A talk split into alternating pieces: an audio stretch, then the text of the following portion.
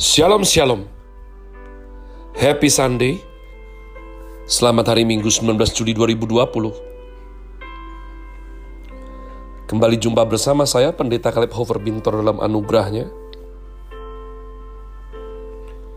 Penuh sukacita sampaikan pesan Tuhan melalui program Grace Word yakni suatu program renungan harian yang disusun dengan disiplin kami doakan dengan setia supaya makin dalam kita beroleh pengertian mengenai iman, pengharapan, dan kasih yang terkandung dalam Kristus Yesus.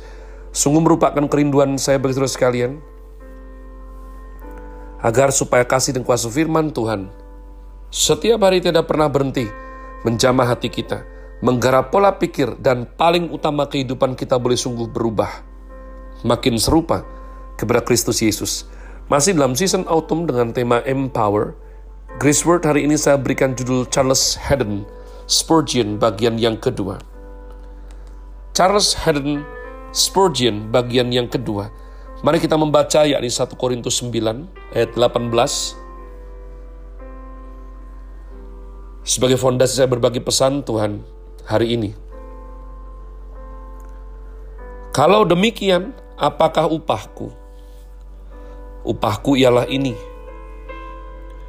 bahwa aku boleh memberitakan Injil tanpa upah, dan bahwa aku tidak mempergunakan hakku sebagai pemberita Injil. Umat Tuhan, ayat ini indah sekali, sulit mengerti, dan sulit lebih lagi melakukannya. Harus hati yang didera oleh cinta akan Tuhan. Sebab memberitakan Injil hari-hari ini adalah sesuatu yang kurang populer di kalangan orang Kristen umat Tuhan Terlalu banyak orang Kristen sibuk mencari senangnya sendiri, kemewahan sendiri, apalagi belum menghadapi kembalinya tujuh roh. Menjauh dari Tuhan, kehilangan kasih mula-mula. Banyak sekali. Tapi orang yang sungguh mengasihi Tuhan, dia akan mempunyai seperti dorongan di hatinya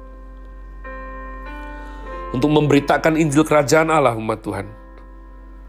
Charles Spurgeon seumur hidupnya adalah seorang penginjil yang hidupnya berpusat kepada Tuhan. Dia katakan, ya, people come to me for one thing. I preach to them a Calvinist creed and a Puritan morality. That is what they want and that is what they get If they want anything else, they must go elsewhere. Jadi umat Tuhan dibesarkan dalam ya teologi Calvin dan juga dalam tradisi Puritan membuat dia itu militan sekali umat Tuhan. Tapi Charles Haddon Super Spurgeon bukan jenis yang bermusuhan dengan banyak aliran yang lain. Ini yang saya suka daripada beliau.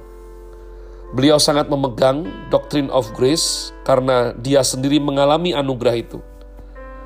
Baginya sebagai orang yang telah diselamatkan, ia harus memberitakan anugerah keselamatan kepada setiap orang yang mau percaya secara bertanggung jawab di hadapan Tuhan. Itulah sumber sukacitanya. Ia percaya kedaulatan Allah terhadap keselamatan tidak menjadi rintangan baginya dalam memberitakan Injil, melainkan menjadi sumber motivasinya ia yakin bahwa Tuhan Allah telah memilih umatnya dan anugerahnya berkuasa mengatasi bahkan hati orang berdosa yang sudah terlalu bejat dan keras kepala. Spurgeon menekankan bahwa misionaris dan penginjil terbesar pada masa lampau tidak puas memiliki teologi yang benar. Mereka sungguh-sungguh mengejar hidup yang benar dan mentaati amanat agung dan dengan segenap hati menyerahkan hidup mereka untuk memberitakan Injil. Spurgeon juga mendirikan The Pastors College untuk mempersiapkan mereka yang mau berkhotbah dan melakukan penginjilan ke berbagai daerah di Inggris, bahkan sampai ke seluruh dunia. Ia mengajar murid-muridnya untuk menjadi pengkhotbah yang efektif. Pengkhotbah yang efektif harus mengerti dan mengkhotbahkan teologi yang benar ia memberikan peringatan yang keras kepada mereka yang menyingkirkan doktrin Kristen Mereka yang menyingkirkan doktrin, apakah mereka menyadarinya atau tidak, adalah musuh terburuk kehidupan kekristenan. Seluruh pekerjaan Spurgeon berdasarkan pada kebenaran doktrin Kristen yang berakar kuat sekali pada kitab suci kita. Sebagai orang berbekang teguh pada firman, maka beliau tidak takut menegur dengan keras, berbicara terus terang menentang kesalahan yang serius atau dosa di dalam jemaatnya. Maka, walaupun bijak, beliau menentang kompromi yang ia lihat pada hamba Tuhan yang lain dalam Baptist Union, yang mengizinkan pendeta liberal masuk ke dalam denominasi mereka. Ia lebih peduli dengan kebenaran dibandingkan reputasinya. What is said of us is nothing, but shall truth be said to keep up with the fellowship, kata Spurgeon. Baginya bukanlah sebuah kasih jika menghindari kebenaran yang sejati demi kesatuan yang superficial. Menghindari kebenaran esensial akan melemahkan gereja yang benar karena membiarkan gereja terinfeksi oleh pengajaran yang buruk dan doktrin yang salah. Hal ini bukan berarti ia menginginkan gereja Tuhan pecah, tidak Beliau sendiri benci perpecahan di antara orang-orang Kristen. Dalam hidupnya, ia berusaha agar orang-orang Kristen dalam iman Kristen yang benar bersatu. Pada saat yang sama, ia menentang oikumenisme dengan grup yang menyangkal kebenaran yang sejati. Ia menerima kritikan sangat pedas dari rekan-rekan hamba Tuhan karena pernyataan-pernyataannya yang keras tersebut. Spurgeon sendiri mengakui bahwa ia sangat berbeda dengan D.L. Moody baik dalam teologia maupun metode penginjilan. Tetapi Spurgeon menghargai kecintaan Moody akan firman Tuhan dan mengetahui bahwa Amerika membutuhkan firman Tuhan. Maka ia bahkan berteman baik dengan D.L. Moody. Spurgeon juga bertentangan dengan Charles J. Finney dalam hal teologi. Tapi Spurgeon tetap mendukung penginjilan Finney melalui bantuan dana Spurgeon berbicara dengan kasih kepada John dan Charles Wesley yang merupakan penganut Armenianisme. Meskipun ia sangat tidak setuju dengan pandangan Wesley bersaudara akan kedaulatan Tuhan, kehendak bebas, dan sebagainya. Bagi Spurgeon yang mencontoh sikap Paulus, jika Kristus sungguh-sungguh dinyatakan, ia akan tetap bersuka cita. Sepanjang hidupnya, Charles adalah seorang pekerja keras dalam satu hari ia bekerja 18 jam. Ia membaca setidaknya enam buku dalam seminggu dan bisa mengingat seluruh isinya.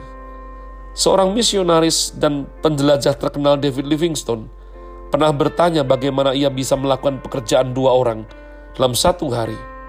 Spurgeon menjawab, You have forgotten that there are two of us. Ia menyadari bahwa dirinya sendiri hanya manusia berdosa yang diselamatkan oleh kasih karunia semata. Ia sepenuhnya sadar bahwa ia tidak bisa melakukan semuanya sendirian. Ia berserah penuh kepada Tuhan dalam doa. Spurgeon percaya bahwa bagian terpenting dalam pertumbuhan rohani adalah doa.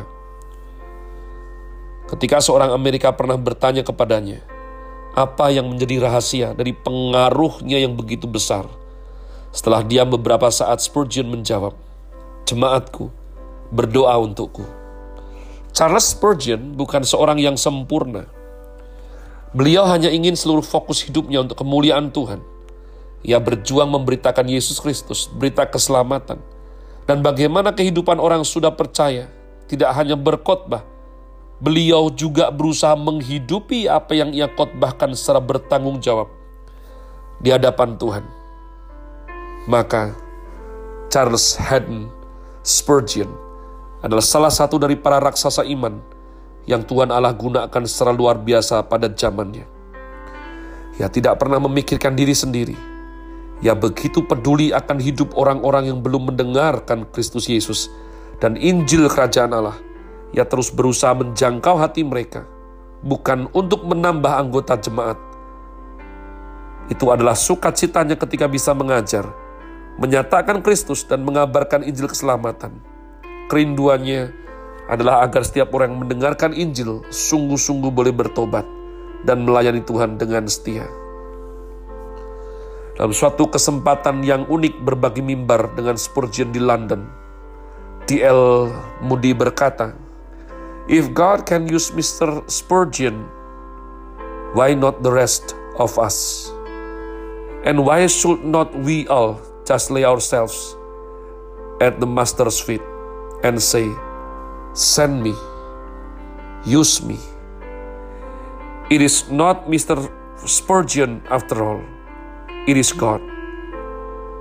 He is as weak as any other man away from Him. Bear in mind that if we can just link our weakness to God's strength, we can go for and be a blessing in the world. Ketika kita mempelajari hidup seorang Charles Haddon Spurgeon, mengaguminya. Kita tidak mentuhankannya, sebaliknya. Kita memuji Tuhan yang membangkitkan seorang hamba yang memberikan dampak sangat besar. Dan saya pribadi masih berdoa sampai hari ini umat Tuhan, bahkan saya sungguh berdoa supaya sungguh-sungguh kita boleh belajar kunci kesuksesan seorang Charles Spurgeon. Bukan karena kemampuannya sendiri, tetapi karena ketidakmampuannya. Di dalam ketidakmampuannya, beliau menyerahkan seluruh hidupnya kepada Allah yang perkasa. Ia bergantung sepenuhnya kepada Tuhan dalam doa, berdiri teguh untuk kebenaran, tidak peduli apa pun yang harus beliau korbankan. Demikianlah semua yang dilakukan dalam kehidupannya, Tuhan urapi, sertai, berhasil. Sekali lagi saya ucapkan happy Sunday. Tuhan Yesus memberkati saudara sekalian. Sola. Grazie.